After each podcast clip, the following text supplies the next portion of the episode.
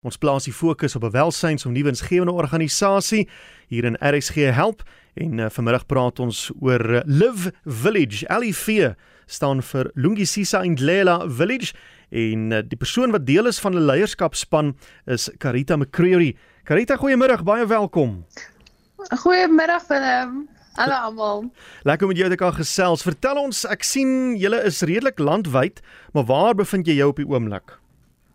Ek sit hier in die hart van Durban en dit is waar Love Village begin het. Ah, goed. Wat is dit wat julle doen? So, uh in 1997 het ons founders Stitch and Joe 'n amazing vision gehad net vir 'n uh, children's village where they will have a mom that loves them, a school to educate them, they will have everything that they need, but it will also create jobs for the local community so they can sustain their families. So it will be such a beacon of hope to the community. So hierdie vision het in 1997 begin, waar ons het ons deure oopgemaak in 2011 waar eerste mammas en kinders op die village begin het uh, opgetrek het en ons is vandag 12 jaar oud. Ons het tans so 160 kinders op die village, 45 kinders in universiteite en werke en dan het sien ons so 6000 pasiënte deur ons kliniek en ons het 128 werke geskep vir mense in ons gemeenskap. Goeiste, wag 'n bietjie, dit is nou 'n klomp goeders.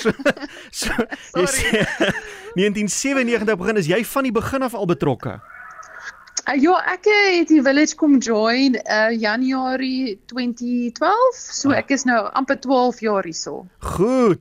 Nou as jy nou praat van 'n village, 'n dorpie, is is dit letterlik 'n dorpie of noem julle dit net 'n dorpie? Hoe lyk dit by julle?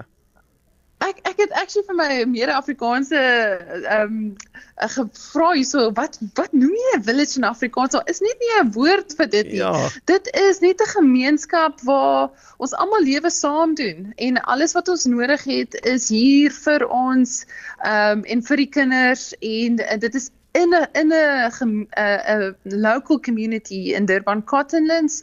So ja, daar's actually nie 'n Afrikaanse woord om dit te beskryf dink ek nie. So daar is daar's blyplek, daar's eh, skole en daar's 'n uh, eh, kliniek en also aan.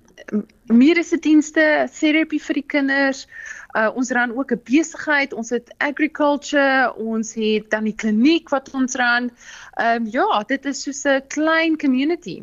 En waar kom julle aan die mense kom klop hulle by julle aan?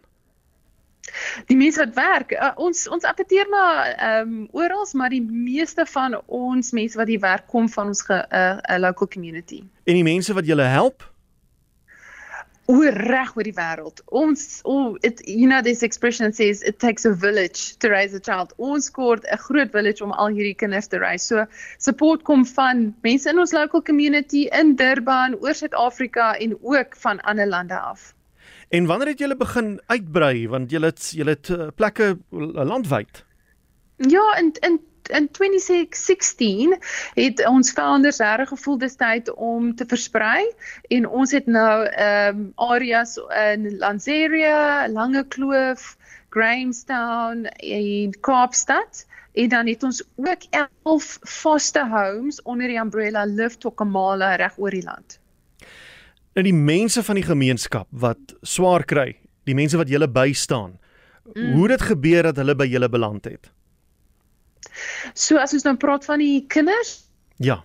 Die kinders kom almal deur die Department of Social Development deur ons ge, uh, word hulle legally by ons geplaas, so ons uh, foster cluster care system en dan die mammas kry ons almal van die gemeenskap van die kerke af uh, want ons is 'n uh, Christelike ehm um, uh, um, charity. Ja. So ons mamas kom van die kerke af en dan die mense wat by ons werk is maar ons ons ran ook 'n kerk elke Sondag hierso en so dit kom deur die kerk, dit kom deur advertensies wie werk nodig het. Uh word of mouth. Ja, daar's ehm um, baie mense wat deel raak van die Villa family. Nou die kinders, wat is hulle huishoudelike omstandighede? Hoe gebeur dit dat hulle deur die departement van maatskaplike ontwikkeling na julle toe gestuur word? Daar is soveel different stories. Dit kan wees net van iemand wie se ma en pa hulle verlaat het, so hulle uh, totally abandoned en ehm um, word gerapporteer word aan die maatskaplike werkers of dit kan iemand word wat wat verwyder word vir hulle safety omdat die omgewing waarin hulle is of iemand wat in hulle familie is is nie ehm um, safe hulle mee nie so hulle kom na ons toe. Dit kan wees dat hulle deur hulle ouma groot geraak geword het en hulle oumas oorlede so word hulle by ons geplaas. Daar is so, elke storie is verskillend. Hmm. Daar's nie daar's soveel verskillende stories hoe hulle gekom het, maar ons weet as hulle hier kom is hulle nie meer 'n orphan. Hmm. Karita sien net wat na hulle kyk. Goed. Kom ons gesels 'n bietjie oor die kinders wat julle al op universiteit geplaas het. Daar's eh, selfs mense wat ja. deur julle hande is en daar beland het. Dis enorme sukses stories. Is daar mense wat terugkom na julle toe en weer kom oowys en sê baie dankie vir wat julle vir my gedoen het? Ja, al ons universiteitsstudente kom nog. Ons het nou twee wat op pad is op die bus van Bloemfontein om te kom hier wees vir die vakansie. Ons het 'n paar van ons kinders wat nou werk in ons maatskappye.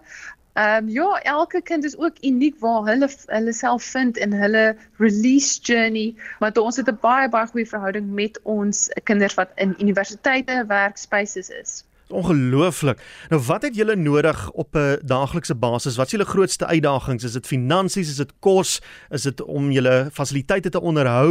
Waarmee is dit wat mense kan help? Ag, die die nommer 1 uh, is mos maar altyd finansies want ons kort geld om kos te koop, mm. om ons water te betaal, elektrisiteit, om vir ons skool, ons teachers, ons social workers se salarisse betaal.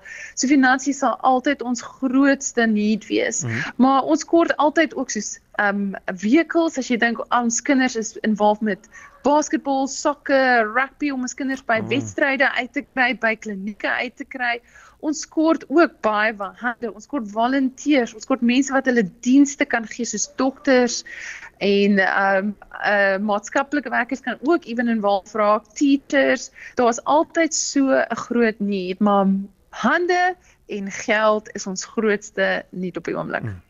As al mense wat julle wil kontak maak, uh, hoe kan hulle maak as daar 'n webwerf as jy het julle het julle teenwoordigheid op sosiale media?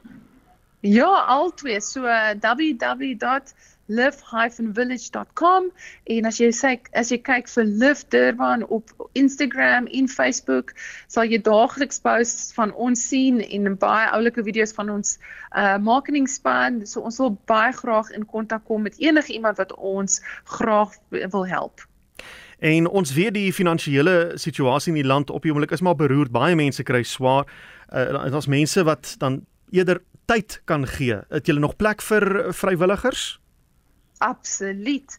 En ewen as kerke spanne wil bring vir die vakansies oh. en um, ons het akkommodasie op die village, so jy kan bly by ons, deel wees van die gemeenskap so as kerke spanne wil bring, as maatskappye corporate days wil kom doen, as iemand miskien vir as 'n familie wil kom en vir hulle kinders blootstel, hoe wat dit is om missions te doen. Hmm. Ons kry ons house um, baie mense reg oor die wêreld hier op die village om deel te wees van die Live family. Ongelooflik. Rita McCreary, baie dankie vir die saamgesels. Voorspoed vir julle. Ek hoop julle kry baie terugvoer. Ag wonderlik en as die RSG span enige tyd wil kom kuier, hulle is so welkom. Klink baie lekker. Groete daar, so mooi bly. Baie dankie. Sy is deel van die leierskapspan by die Live Village, dis Karita McCreary en jy kan hulle webwerf besoek Live koppelteken Village is L I V Village en soek hulle ook op sosiale media onder Live Durban en baie goeie werk wat hulle Durban doen en hulle is deesdae ook uh, nou sommer landwyd en uh, maak gerus kontak en kyk waar jy kan handjie bysit.